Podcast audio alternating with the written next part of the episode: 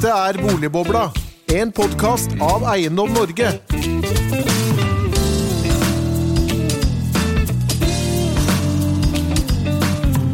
Hjertelig velkommen til en ny episode av Boligbobla.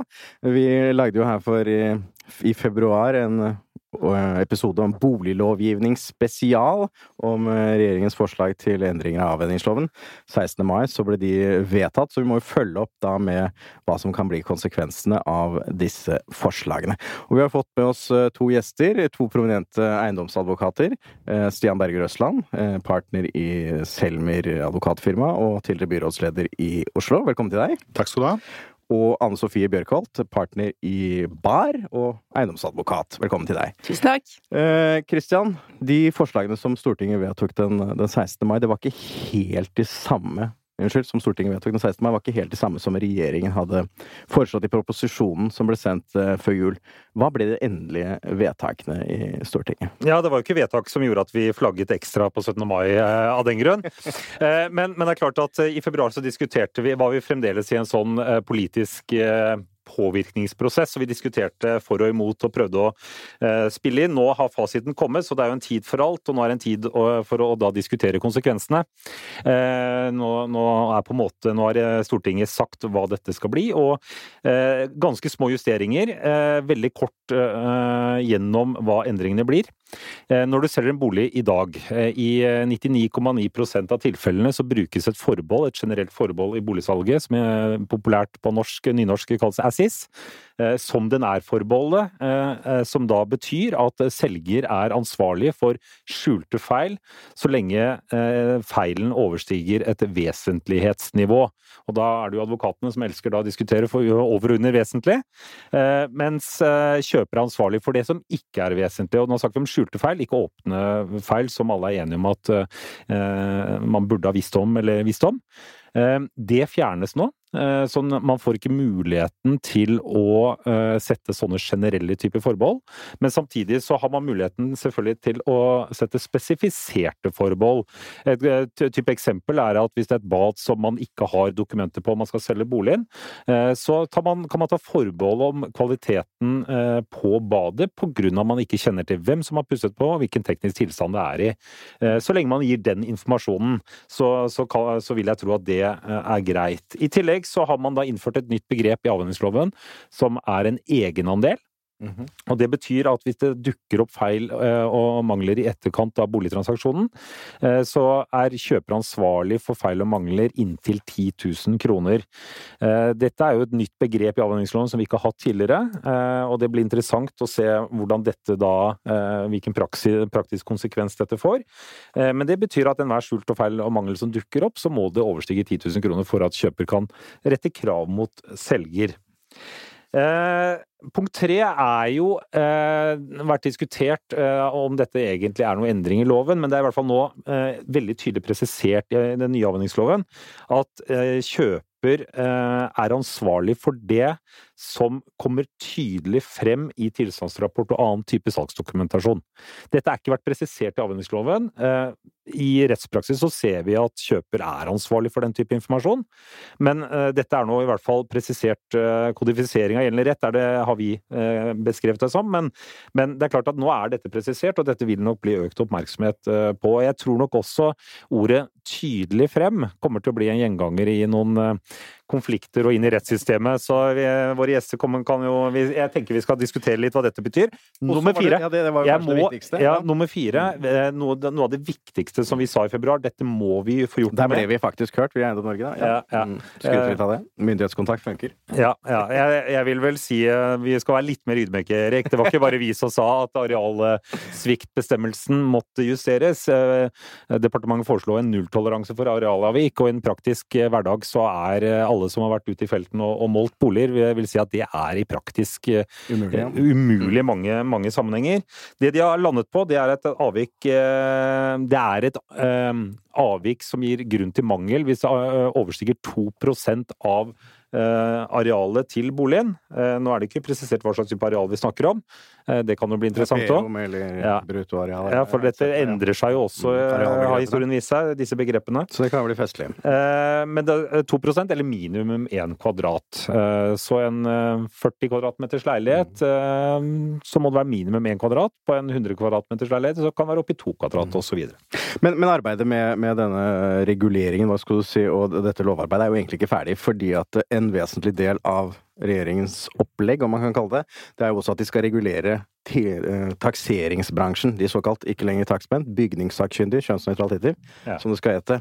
Hva skjer, hva skjer der? Ja, det, det er jo det store paradokset for alle som har vært involvert eh, og ment noe i denne prosessen. her, sier at Det viktigste vi kan gjøre, er å få eh, best mulig rapporter og best mulig utførere av rapportene. Det er på en måte fundamentet i å kunne eh, oppnå en suksess med lovarbeidet ellers. Eh, Det er jo ikke klart.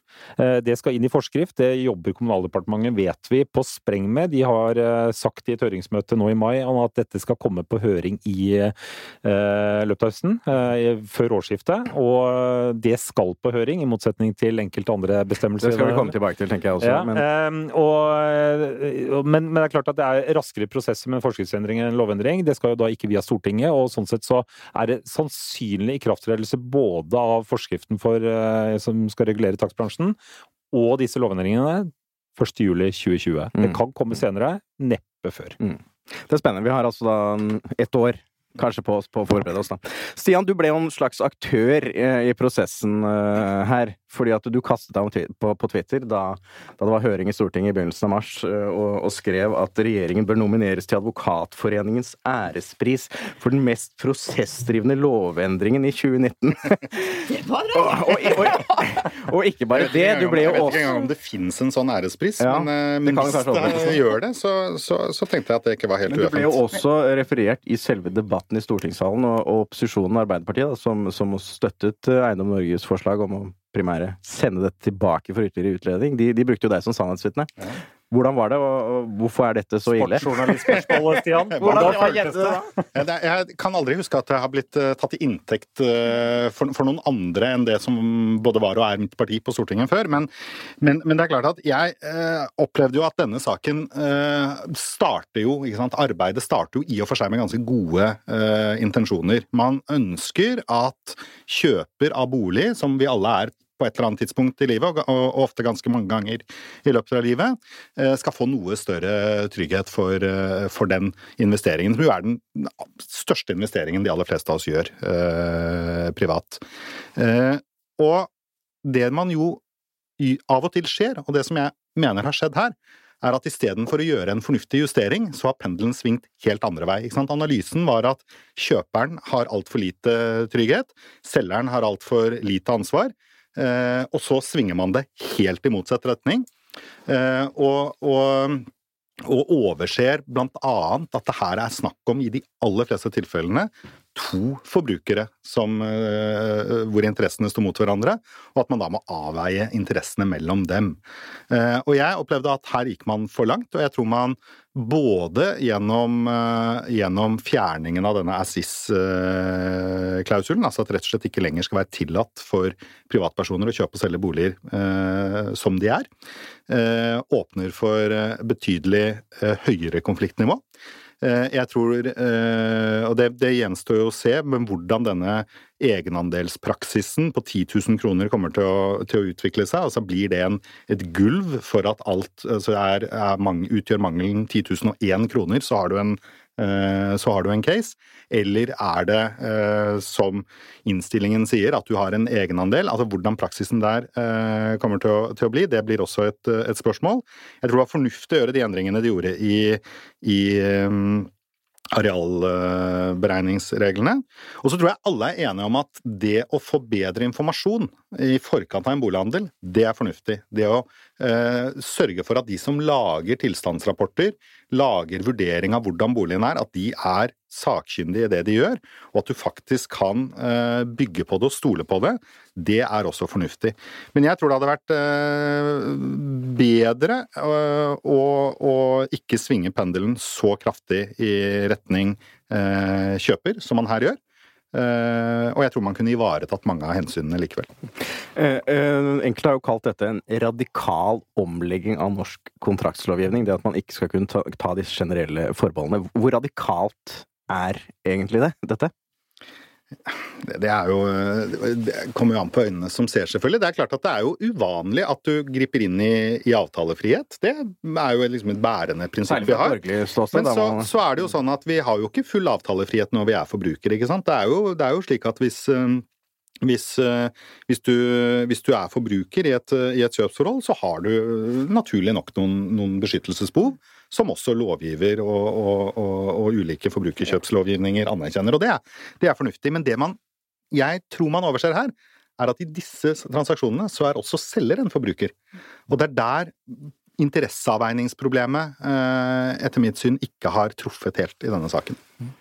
Eh, Anne Sofie, vi snakket jo litt sammen på forhånd, og du, og du er mer positiv til, til, til dette egentlig, og ja, tror kanskje det kan ha, ha noe, noen heldige konsekvenser også? ja da, jeg, jeg syns dette her er uh, djerve grep. Ja. Uh, og jeg, uh, de er selvfølgelig dramatiske, eller drastiske, og kanskje kan man kan si at det er en slags game changer da, for bruktboligmarkedet og forbrukersalg.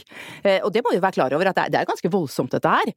men at det nødvendigvis er så dumt, det, det vil jeg ikke gå det, det, er jeg ikke helt enig i. Så du kjøper ikke dette med prosessdrivende? Nei, for jeg starter litt i en annen kant, tror jeg, eh, enn Stian. Jeg tenker at det, selvfølgelig er det en interesseavveining. Selger er forbruker, kjøper er forbruker. Det er en interesseavveining.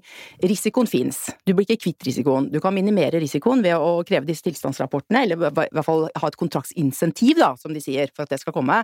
Og det er bra. det, det krymper risikoen, for at det er kunnskapsnivået høyere. Men en eller annen restrisiko vil det alltid være. Og den må plasseres, eh, enten hos kjøper eller hos selger, eller så må den deles. Og det er et valg man må ta. Mm. Eh, og i den eh, avhendingslova, sånn som har vært i, til nå, så har det vært åpent for at man kan kunne ta et valg hvor kjøper har hatt risikoen for det som ingen av partene visste om. Mm. Eh, og det, det, er et valg som loven åpnet for, og så har kontraktspraksis blitt sånn at alle selgere har brukt det valget. Og det valget er nok drevet fram, tenker jeg, av meglerbransjen, fordi det er en mer behagelig måte å selge. Megleren eh, representerer jo først og fremst selgeren, du skal selvfølgelig ta vare på begge parter, altså, men så lenge loven åpner for at selger fraskriver seg ansvar, så velger man å fraskrive seg ansvar.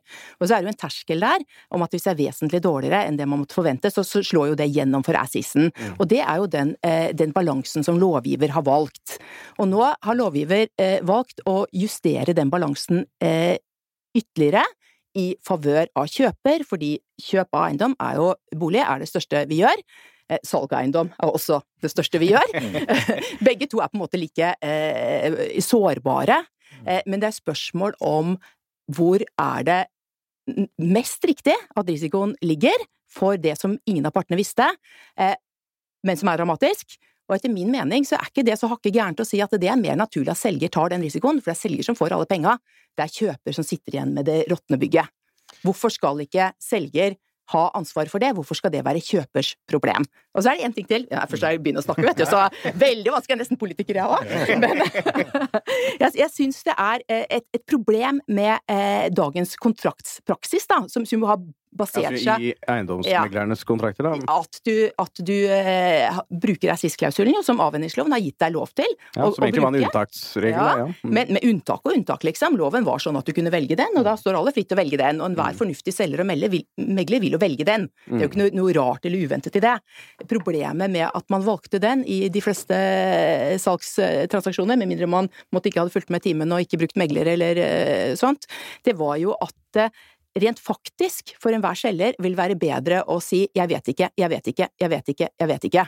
Fordi det du ikke vet, har du ikke ansvar for. Mm. Eh, og det er jo det som er problemet med, med, kontraktspraksisen sånn som den var nå. Når du får dette her tilstandsskjemaet, så er du jo helt Egenerklæringen, mener du? Egenerklæringen. Mm. Så, så, er du helt idiot hvis, hvis du krysser av for, for, noe du kanskje tror er muligens et problem. Du vet liksom ikke helt, men det er noen, noen sånne flekker nede i kjelleren. Kanskje var det noe med det badet, ja. Kanskje var det noe med det. Nei, Jeg føler meg litt utrygg. Eh, de fleste er ikke så innmari bygningskyndige, men de kanskje har sett det var liksom en sånn svank i, eh, i asfalten, og hva er egentlig det som skjer nedi der? Nei, uff, jeg skriver, jeg vet ikke, kjenner ikke til, kjenner ikke til, kjenner ikke til. For det er best for meg. Mm. Eh, og dermed så får du jo insentiv til å ikke fortelle om ting, og ikke undersøke ting. For jo mer du undersøker, jo større ansvar får du.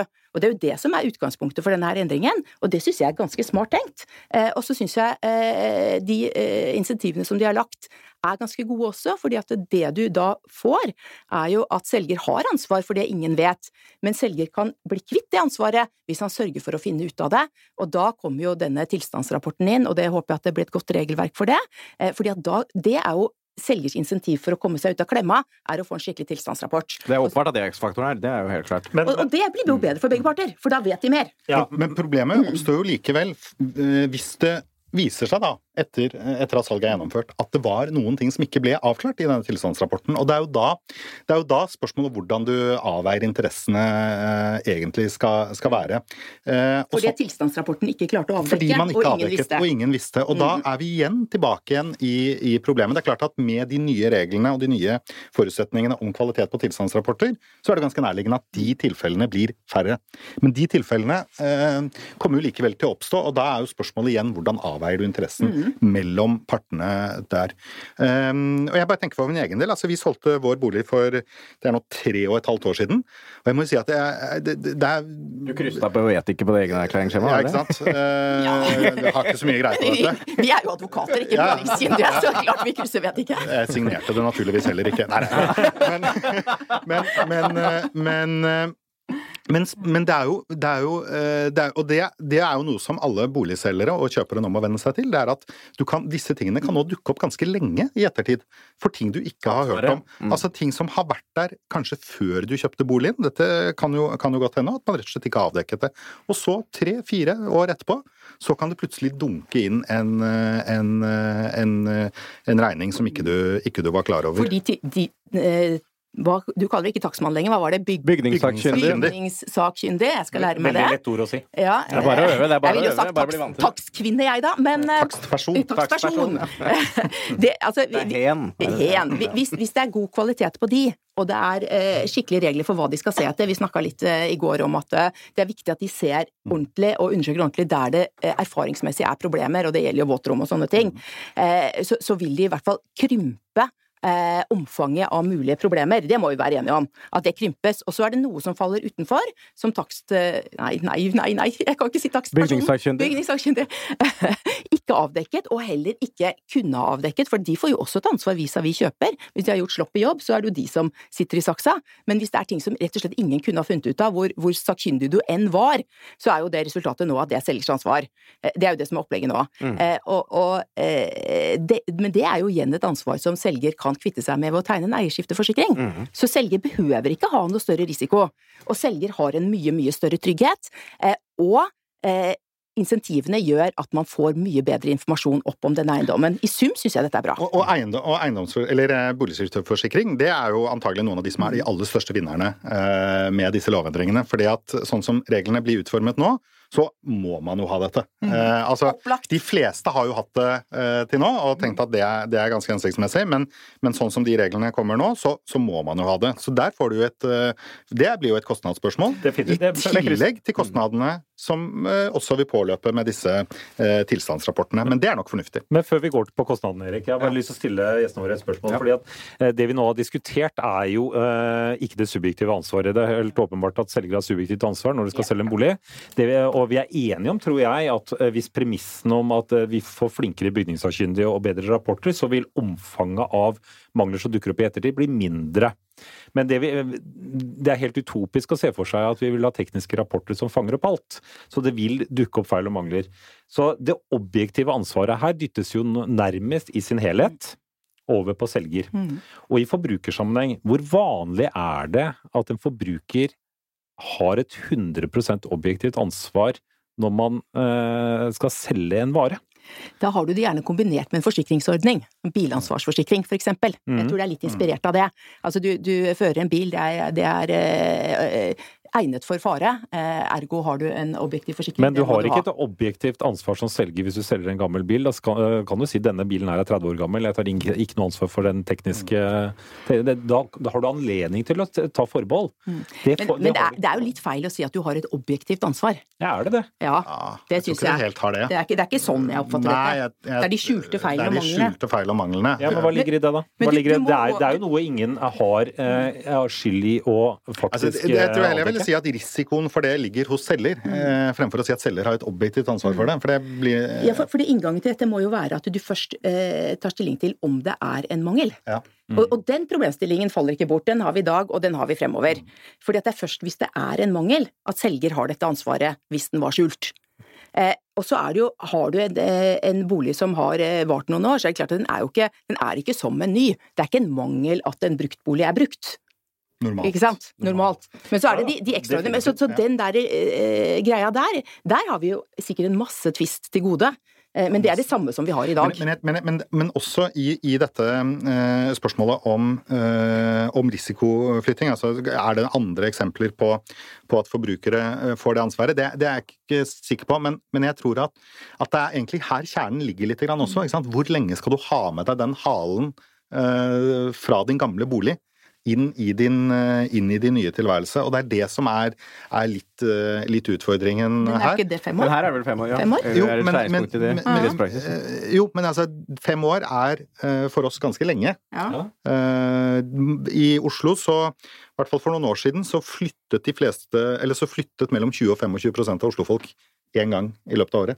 Ja, I hvert fall de unge er vel de Ja. som flytter ut. Liksom. Ja, hvis det er noe gærent med alle de de har solgt da, så ja, Christian, du har jo hatt erfaring med dette. Ja, altså, jeg har jo et sånn worst case-scenario jeg selv har opplevd. Jeg solgte en leilighet nede i St. Olavs gate i eh, 1995. Og Det var jo før eierskifteforsikringen eh, fantes. Eh, og fikk da brev fire år, elleve måneder og én uke eh, etter overtakelse. Det vil si tre uker igjen før eh, fristen gikk ut. Og eh, satt, eh, da var det oppdaget ekte hushopp i gården, på loftet. Mm. og det har, kunne man jo da enkelt dokumentere hadde vært der i 30-40 år. Og da var det sistemann i femårsrekka. Mm. For den var jo da solgt to ganger. Og da var det sistemann i femårsrekka som satt igjen med svarteper, og det var oss. Eh, og det bare viser hvor eh, urimelig dette også her var jo du den ulykkelige selger, da. Da var jeg en ulykkelig selger. Ja, men tenk på en ulykkelig kjøper, da. Men er huset oppe? Er det ikke litt synd på dem òg? Jo, jo, definitivt. Men, eh, men, men det er jo et rettferdighetsaspekt her som er ganske krevende. Og det er der, eh, i hvert fall etter vårt syn, da, så legger man nå i eh, rubbel og bit over på boligselger i en sånn Men, men her er vi jo, jeg mener at dette er også et eh, Nå skal vi ikke bli altfor filosofisk her, men, men jeg mener jo at det er en sånn tendens og tegn i tiden at, eh, at risiko og ulemper er noe man tenker at det går an å regulere seg vekk fra. At det går an å tenke, altså hvis, hvis det oppstår et uheldig eh, situasjon, hvis det, oppstår, hvis det Hvis foreligger du er ulykkelig, så kan du gå til terapi, og så forsvinner det. Ja, men du kan, Er det det du tenker? Ja? Du kan alltid, det er alltid en eller Men det er jo ikke sånn det er. Nei, og, det, og, og, og, jeg opplever liksom at, at, eh, at det man sier er at nei, vi vil at bolighandelen skal være trygg for alle parter. Eh, Ja, men det er utmerket. Mm. Eh, Men det er likevel risiko. Det er likevel noen ting som kan oppstå. Og den må de- plasseres. Og det må plasseres et Det finnes ikke er- optimal regulering, da. Nei, du, du klarer ikke regulere deg bort fra dette her. Og da er spørsmålet liksom hvor, hvor er det rimelig at en sånn risiko ligger? Eh, skal den ligge bare hos kjøper, skal den ligge bare hos selger, eller bør det være en eller annen form for deling? Og jeg mener jo at dagens regler Altså de som fortsatt gjelder, de har jo en slags eh, deling av risiko. Fordi at du sier at vel, selger du Assis, så er i utgangspunktet risikoen for skjulte feil og mangler et forhold som kjøper må håndtere. Men så har man et unntak dersom den eh, skjulte feilen eller mangelen overstiger en, en vesentlighetsterskel. Da er det altså selger som, som kommer inn igjen. Og det, jeg er ikke sikker på om det er en sånn i utgangspunktet veldig dårlig deling. Eh, Nei, jeg- I stedet for å dytte alt på celler i fem år. Men jeg syns ikke i utgangspunktet det er noe dårlig deling, men effekten av den er dårlig. For effektene er jo at du må late Eller du må på en måte ikke vite, jo mindre du vet, jo bedre er det for deg. Og de tvistene du da får opp, de er ganske harde mot celler, for de går på 'dette måtte du ha visst, men du løy for meg'. Det kan jo være litt Eh, vanskelig å bevise akkurat det. det er ikke, jo- ikke bare vanskelig å bevise, men det er ekstremt ubehagelig for en selger. Åpenbart. Ja, for at du, fordi du blir angrepet for, For du for redelighet. Ja, for din egen redelighet. Og, og hvis du skal ha trygg boligmarked, så er det veldig trist å ha tvister hvor du blir angrepet for din redelighet, fordi det er sånn reglene er lagd. Eller blitt, da. Det er ikke sikkert de var laget sånn. Nei, de er lagd sånn. De er lagd sånn. Du har gjort et valg i- ut ifra reglene som Men nå har vi jo fått denne justeringen, og eh, dere var inne på det. Konsekvensen er jo da at uh, ville dere turt å selge bolig uten å være forsikret? Nei. Nei. Og hva Det kan vi være enige om. Helt opplagt. Ja, og i dag så har vi jo forsikringsbestemmelser som eh, nå burde jeg kanskje vist. Snittpremien ligger kanskje på en eh, 15, rundt 15 000 eh, for en normal bolig, i hvert fall i Oslo-området. Eh, Dyrere boliger opp i 35-40. Eh, I bestemmelsen i dag så sier det at hvis du selger til normalordningen, det vil si at man ikke har dette generelle forbeholdet, så er det dobbel pris. Mhm. Um, og da snakker vi om uh, prisnivå på 30 40 50 000 for normale boliger. Fremdeles ville dere kjøpt denne forsikringen? Absolutt. Ja, vi hadde jo ikke noe valg. Hva syns dere om, at, eh, hva syns dere om, en, hva syns dere om en regulering som både gjør forsikringsproduktet Man eh, gjør, gjør oss avhengig av et forsikringsprodukt. Uh, kostnaden uh, sannsynligvis øker ganske mye, og de tekniske rapportene øker mye. Er dette her Men, men jeg er ikke sikker på at den konklusjonen eh, eller det resonnementet der er helt rett. fordi at eh, dette kommer jo sammen med, med grundige tilstandsrapporter.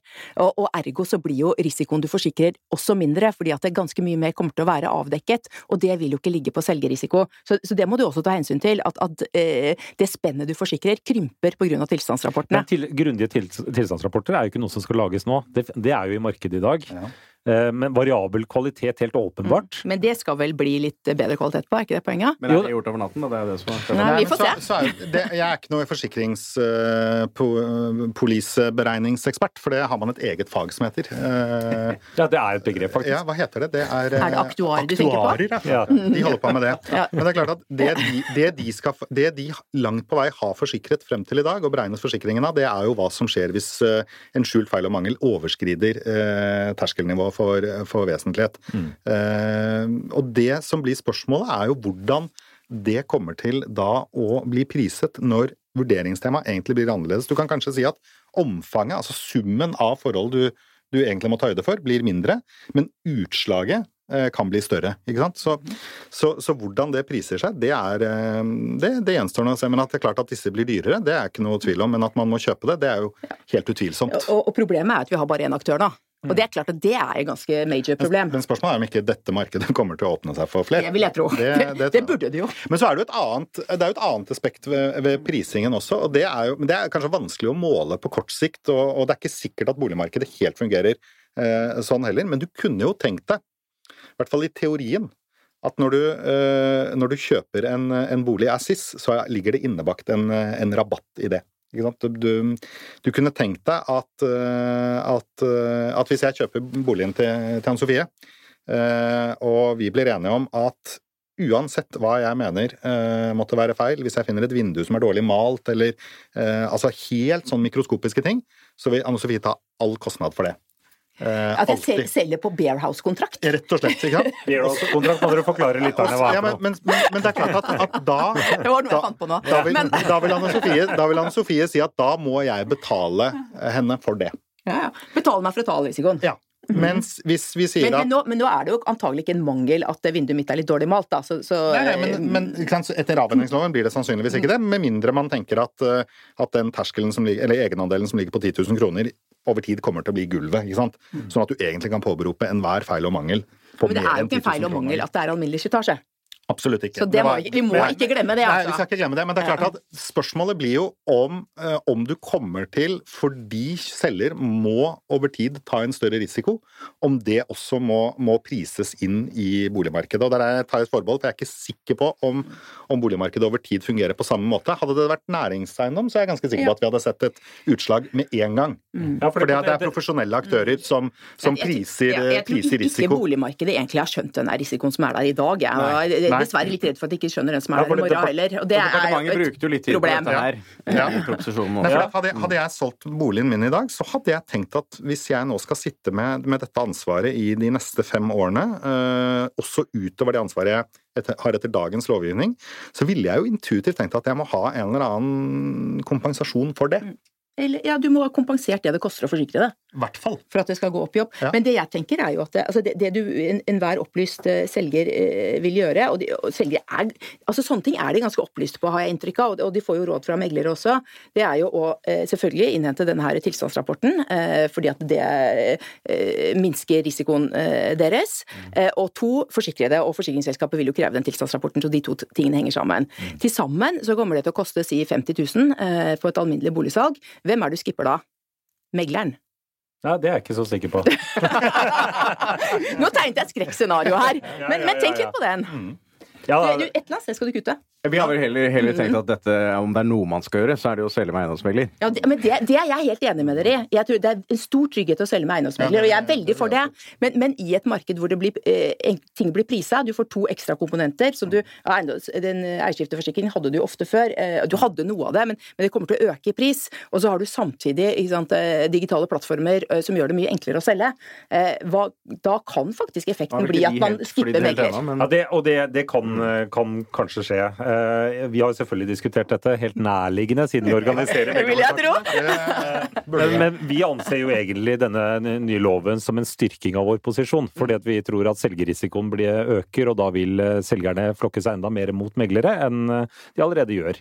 Og det er jo bare 98% som gjør det allerede. Så, det, så vi, er, vi, vi føler at dette er bare vi leverer kvalitet, så skal, skal dette klart at du skal, du, skal, du skal være ganske trygg på hva du gjør hvis du, hvis du står for boligsalg selv. Det er en del som gjør det, og, det, og jeg tror det er en del som får det til helt, helt fint også. Men, men det er klart at du, du, du er i et det er, Dette er jo ikke noe man gjør hver dag. Nei. Og så er det et annet element, og det er jo det at forsikringsselskapene opplever jo dette her som eh, Ja, det er lukrativt med tanke på høye premier og eh, muligens, eh, men det er også et risikobilde som er ganske stort hvis man treffer feil. Eh, så jeg tror nok at veldig mange forsikringsselskap kommer til å sette som et premiss at eh, profesjonelle rådgivere er involvert, både fra takstsiden og fra meglersiden. Altså, jeg, ikke misforstå meg sånn at jeg, jeg ønsker at folk ikke skal bruke meglere. Jeg mener at de absolutt bør det, og at, eh, at det er- det tryggeste og beste. Men, men jeg ser jo for meg at hvis kostnadsbildet bare blir stort nok, og du må knipe et sted, så er jo kanskje det et sted noen ville kunne kommet, tenkt du. Men hvis eierskifteforsikringsselskapet krever megler, eller forutsetter megler, eh, eller det kanskje har noe med forsikringspremien å gjøre, så er det klart at da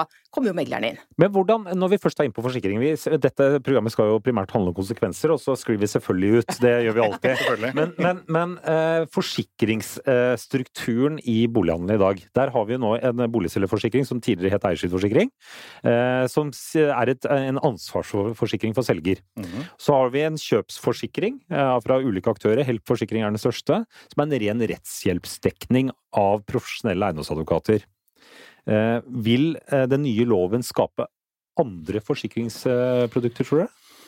Dette, er, dette har jeg ikke forberedt dere på. Men, men, men dette endrer jo premissene ganske betydelig i forhold til risikofordelingen mellom partene. Og vil, vil en kjøpe For å et annet spørsmål, da. Vil en kjøper trenge en kjøpsforsikring? Absolutt. Og grunnen til at de kommer til å gjøre det, er at eh, selgeren kommer til å ha en boligselgerforsikring, og det gjør at bolig, selgeren kommer til å være representert. Mm. Eh, og da er det ganske nærliggende at det må også kjøper være. Mm.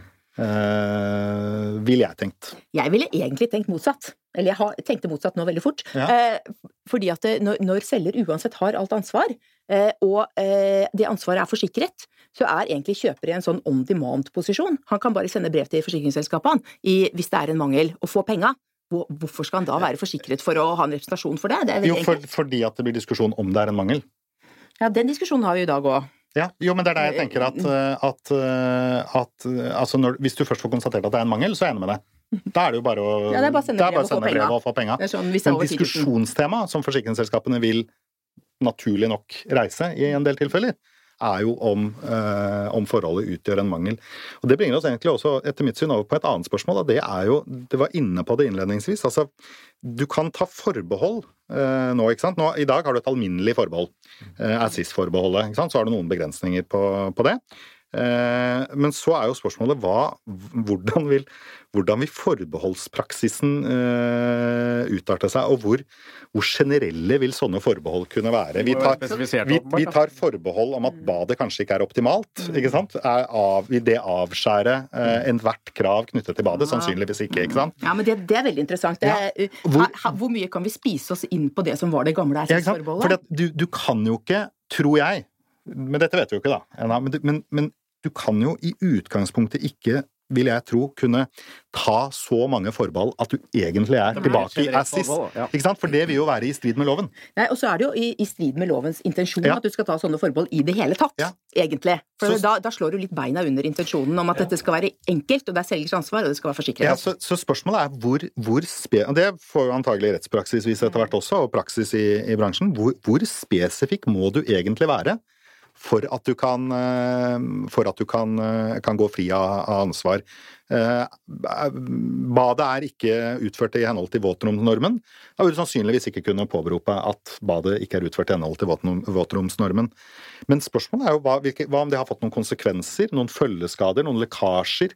Eh, vil det være dekket av forbeholdet at eh, våtromsnormen ikke er fulgt, eller er det et annet forhold? Altså, det er, Er vi på, nå er vi inne på Advokatforeningens ærespris her. Ja, det var det jeg skulle si. også. Dette er jo det det prosessdrivende tweeten din. ja. Men nå, når det er sagt, bare, bare det, det at de gjorde den endringen på arealavvik, det er klart at det det har jo betydelig redusert prosessrisikoen her. Det er klart at en nulltoleranse på uh, arealavvik, det er prosessdrivende. Men nå Ja, har de er det det? For enten så er det avvik, eller så er det ikke avvik. Så det er jo svaret Jo, men det klart. Poenget er at det er jo ikke lett å måle det. Det er oppmålingen i så fall. Det er en faktumprosess i så fall. Ja, det er egentlig en rettslig prosess. Men det var en, av, det var en avsporing. Jeg tror det der eh, Jeg tror det, det forbeholdspraksis, det tror jeg skal bli et veldig interessant Ja, tema. det blir litt spennende å se. Hva, hva blir de nye forbeholdene?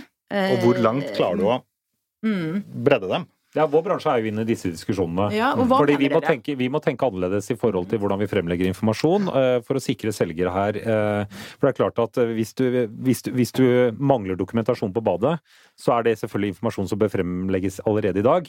Men, eh, men det å da ta et forbehold om kvaliteten til badet, det er jo diskusjoner som vi ikke har hatt tidligere. Nei? Nei. Eh, Men det, det, det kan tenkes at vi gjør nå. og Det er klart at Fordelen med det at for kjøpers del og, trygge bolighandel er at du highlighter da det som et risikoområde i enda større grad, og det er bra.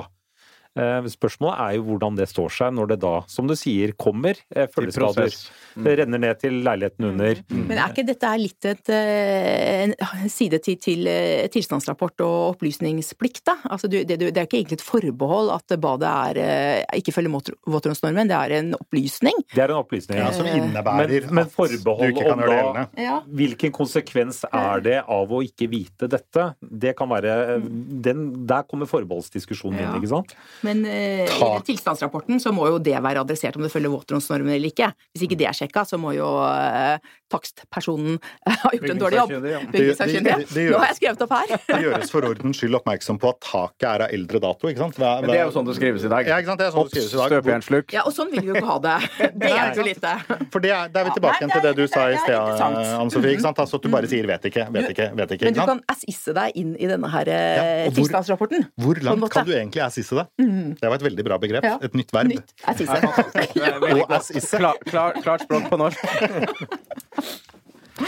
Men eh, vi var jo også så vidt innom et litt tema her, for proposisjonen tok jo dette med markedet og, og markedet vil prise, som Stian var Ja. inne på her. Eh, Hva, hva var det proposisjonen egentlig drøftet der? Ja, for Departementet var inne på litt av den eh, logiske retningen som dere var, snakket om dere også. eh, Og det er jo at eh, ja, forsikringsprodukter vil eh, etter all sannsynlighet bli dyrere. Eh, Men kjøperne vil bli tryggere, og når kjøperne er tryggere, så tar de eh, lavere eh, Kall det si eh, buffere i budgivning i forhold til hva de må sette av til feil og mangler. Og da kan strekke seg lenger i en kjøpssituasjon. Vil si at kjøperne har en større betalingsvillighet hvis de opplever en større trygghet på hva de faktisk kjøper. Ehm, Det har jo vi sagt at ja, av og til så kan nok det tenkes. Vi tror ikke kjøperne er så bevisst på den risikoen de er involvert i bolighandelen fra før av. Så vi tror ikke nødvendigvis det vil få den eh, makroøkonomiske effekten på høyere boligpriser av at vi gjør dette her. Men det er klart at vi kan jo få riktigere prising av enkeltobjekter. Eh, Så det er jo en av de positive effektene av dette forslaget. At eh, mer avdekkes, og da får vi en riktigere markedsverdi. Men der er vi igjen tilbake til liksom det vi var så vidt inne på i sted. Sånn, fungerer egentlig boligmarkedet eh, i privatmarkedet på den måten der? Er det ikke mer nærliggende at prisen blir det du får låne av banken? Nettopp. Eh, rett og slett. Eh, og får du låne fem millioner, så kjøper du for fem millioner. Og får låne fem og en halv million, så kjøper du for fem og en halv million. Du har ikke en veldig reflektert holdning til nødvendigvis hvordan bildet ser ut videre. Men jeg har tenkt på én ting som hadde jeg vært bank jeg kanskje hadde vurdert. Og det var når jeg låner ut til folk som finansierer ny bolig med salg av gammel bolig pluss en, et nytt lån, skal jeg da legge inn at det kan dukke opp en eh, feil og mangel eh, i den gamle boligen? Nå kan man selvfølgelig fors- Vurderer i ja, kan ja, sant? Du man kan selvfølgelig forsikre deg ut av det, men hva om det har skjedd et eller annet som gjør at den forsikringen ikke gjør seg gjeldende likevel? Du har gjort noen feilopplysninger eller noe sånt. Altså, vil, banken, vil banken tenke at den boligen du kjøper, den er verdt fem millioner, du låner tre millioner av oss, men det, kan, det ligger potensielt 500 000 i forpliktelse i den gamle leiligheten. Kan det være en Ja. Det, det bør jo egentlig banken tenke, da. hvis Og kanskje det vil men- da Men det er jo så kanskje altså Boliglån er vel sånn øh, øh, de store talls lov, liksom. Det er jo Så, det. så de- de går vel ikke så langt ned i detaljene. Men en annen ting som jeg tenker på, er jo at det er mye mer risikabelt for e- eh, eierforsikringsselskapet, jeg forutsetter nå at det er forsikra, hvis du selger til noen som skal totalrenovere. Mm. For det er jo da, da du ser det. Det Altså, du-. Ja. Så hvis du selger noe som er rimelig nyoppussa og, og tidsmessig, Mm. så er det jo litt mindre sannsynlig at du begynner å brekke opp vegger og sånt nå. Men hvis du selger noe som i og for seg er i god stand, for folk elsker jo å pusse opp, det er jo det vi driver er jo med alle sammen. Det er det som driver norsk økonomi. Sjokkerende omfang av oppussing, og hvordan, hvordan, hva slags klimaavtrykk vi eh, avsetter av det. Men dette er en avsporing. Men Ja, er greia er at, også, eh, si. at du, selv om du har et eh, fullfunksjonerende bad og et fint kjøkken, eh, som, så bytter du det ut for det utidsmessig. Så det, du skjønner jo selvfølgelig, hvis du selger et eh, så kommer de til å finne masse rart, og, og eh, den bygningssakkyndige vil ikke se det, Mm. fordi at du må brekke opp gulvet for å se det. Eh, men så har du de andre som, som bare har noe som er litt umoderne, og så kommer det et sånt trendy par, hvor den ene er advokatfullmektig Selmer og den andre i bar, og da Da vet du hva som skjer. Ja. Da vil ikke de ha det badet, altså. Og hvis det er, sånn, hvis det er noen sånne mønstrete fliser på kjøkkenet, så, så, eller trefarvet kjøkkeninnredning, så er- holder de på å kaste opp. Den må ut. Og de vil fort tenke tvist. Og de, trenger tvist, og de trenger prøvesak. Absolutt. Men, men dette, Verste kjøperen. dette er jo veldig interessant, fordi at eh, renoveringsobjekt eh, det- I dag så beregnes jo forsikrings, eh, boligselgerforsikringen basert på kjøpesum. Eh, og eh, med eh, det eneste som på en måte har kommet med et nytt type produkt i markedet i dag, eh, det er jo Gjensidige, som er i en tidlig fase på et produkt hvor de eh, gjør en objektsvurdering av eh, og beregner da poliser basert på objektet, ikke på verdien på boligen. Eh, og med denne nye loven så er det jo helt åpenbart at det er objektet i seg selv som eh, skal forsikres. Men markedsverdien er jo mye mindre interessant når den vesentlighetsterskelen er fjernet. Eh, og det skaper jo også noen utfordringer. For det én ting er jo på en måte å forsikre en toroms eh, leiligheter på Majorstua i Oslo eller sentrum Bergen og Trondheim og Stavanger. Men dette renoveringsobjektet, kostnaden på å forsikre et renoveringsobjekt eh, utenfor de store byene hvor eh, prisnivået er ganske lavt, det Den blir uforholdsmessig. Ja, nettopp. Og hva skjer da? Så, Da nei, vi, da kom- blir det vanskelig å selge den. Ja. Så der, der, fikk- der fikk du igjen et poeng. ja. Endelig. Tusen takk, altså. Må notere. Ja. Nei, men dette er, dette er en praktisk konsekvens som vi, jeg, jeg tror er større enn det så vi dette forslaget er ikke bra for folk i distriktene, er det du sier? Ja. Nei, det, Eller og det, renoveringsobjekter. Renoveringsobjekter. Nei, men, men jeg tror nok at eh, ta eneboliger eh, vi, vi, eh, i Nord-Norge, i i en del av disse eh, gamle eiendommene, husene som ble bygd etter krigen. Det er ganske mange av disse boligene her som jeg tror forsikringssummen for å forsikre det i en bolighandel med denne nye loven kommer til å bli uforholdsmessig høy i forhold til markedsverdien. Eh, og Det er det ene problemet. Det andre problemet er å faktisk måtte fly opp en bygningssakkyndig eh, i visse deler. Hvor de, ja, hvor de Altså, tror de, dette er dårlig distriktspolitikk. ja.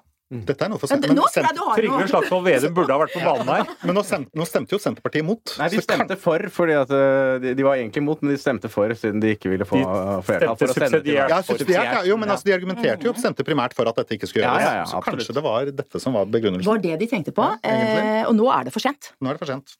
Ja, det hadde jo vært Men- men- går loven, da. Kommer jo en ny regjering kanskje men, Men, i 21, men, hvem vet? men Altså. det, er, det er et interessant spørsmål det der liksom om hvordan, hvordan, eh, hvordan dette slår ut. Og det, eh, det man av og til eh, jeg tror vi av og til glemmer, er at eiendomsmarkedet og boligmarkedet er ganske sammensatt, ganske forskjellig i Norge. Mm. Eh, og egentlig er eiendomsmarkedet i den byen vi sitter i nå, ganske atypisk. Nettopp, Eh, nettopp. Ja, det er ekstremt likvid, ja, og og ganske kanskje standardisert, Ja. på sett og vis.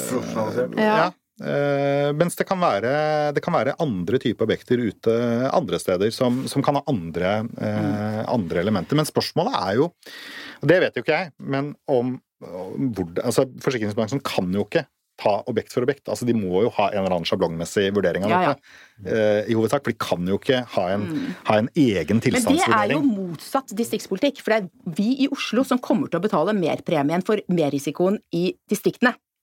Det høres ut som noe Stortinget er for. Spør hvem du spør, da. Ja, Nei, nei, men det er jo det som er er tanken så- med forsikring, Ja, er jo å spre risikoen på alle. Absolutt, men jeg er ikke så sikker på at eh, det nødvendigvis blir Nei, det er eh, det er ikke konsekvensen det, altså. her. Eh, fordi at jeg tror at eh, Eller eh, Gjensidige har jo forsøkt med dette nye produktet lansert for et år siden, og nettopp eh, forsikre eh, enkeltobjektene basert på alder, beliggenhet, eh, standard, eh, kvadratmeter. Ikke sant? Noe sånt. Det er sikkert noen andre parametere også inni det. Og sånn sett så blir, er det jo standard, basert på de driverne. Og det er klart at de sitter ikke og enkeltvurderer forsikringspremier på hver, hvert objekt. Det er jo selvfølgelig noen systemer som kverner dette, og det kommer ut noe i andre enden. Men allerede de premissene er jo en helt annen beregningsmodell enn eh, enn det som er i dag, som kun baserer seg på en promillesats av en markedsverdi. Men før vi startet uh, sendinga nå, så diskuterte vi noe som var veldig artig, nemlig at det mest søkte ordet på Finn er småbruk. Eh, sånn at eh, hvis du nå har et småbruk som er gammelt og masse feil og mangler, så tror jeg ikke prisen på det går ned. Nei. Nei. Så, så de er nok reddet. Ja, De kommer til å bli solgt. De kommer til å bli solgt. Åkke som. Sånn er Hvor mye det er eh, av råte i kjelleren. Men, men tiden går jo fantastisk fort når vi har det gøy her i podkaststudio, og vi må jo nesten gå inn for landing. Og vi har jo noen faste spalter Ja, vi har også. noen faste spalter. Vi Christian? pleier å starte den, Vi har to faste spalter. Den første så pleier vi da å høre med våre gjester. Eh, og den spalten heter Mitt første eh, Har dere hvor, Hva kjøpte dere? Hva betalte dere? Og har dere Hva, kjære, hva følte dere? Det, det, jeg kjøpte, vi kjøpte en leilighet på Sankthanshaugen. Eh, som egentlig er den fineste leiligheten jeg har bodd i noen gang. Kjempehøyt under taket. Rosett og stukkatur. Ganske liten, men utrolig sentral. Den savner jeg av og til. Du Altså. angrer at du flyttet? Eller? Nei, altså Det hadde vært ganske upraktisk å bo der med to barn og bikkje og, og sånn, men, Det var men en fin tid. ja, og det var, vi kunne bare tusle ut, og så var det kaffebarer og kafeer og restauranter, og det var liksom helt supert. Og så, så flyttet vi til Og prisen, da? Eh, Ja, det husker jeg ikke.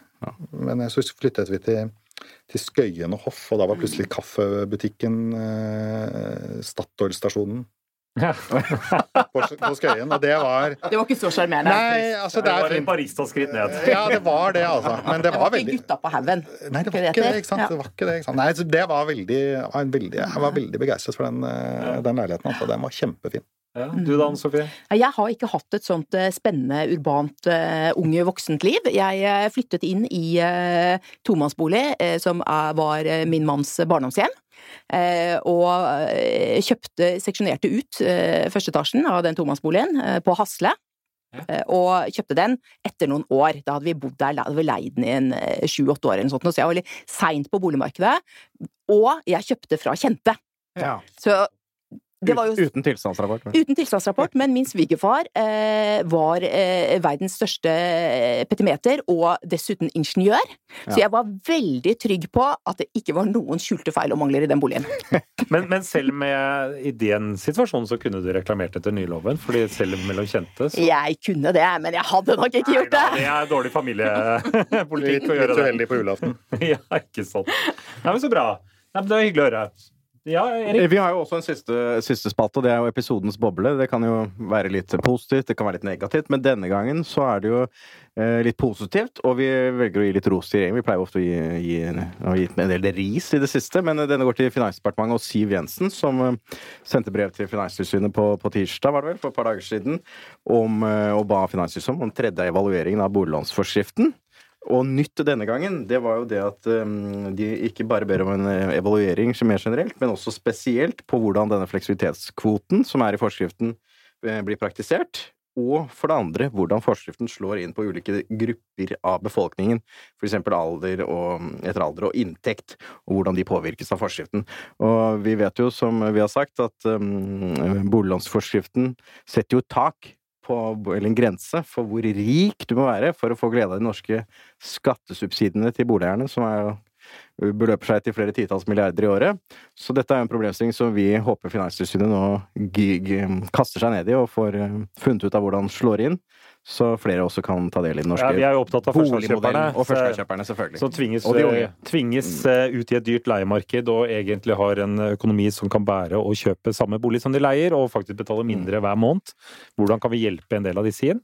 Eh, Vi vet jo også at det er en del eh, private initiativ på leie-ordninger nå som er spennende, som vi håper vi kan snakke mer om Og det senere. håper vi eh, vi kommer tilbake til i flere episoder. Men neste episode kommer rett før sommerferien, og da skal vi ha den nye Selvåg-sjefen. Rolf Thorsen kommer. Eh, han er ennå ikke vært så veldig mye ute i media, så et lite scoop der. Og vi får da Mikkel Røisland, som i Røisland Co., som eh, er en stor aktør innenfor nybolig. Så det kommer rett før fellesferien. Følg med.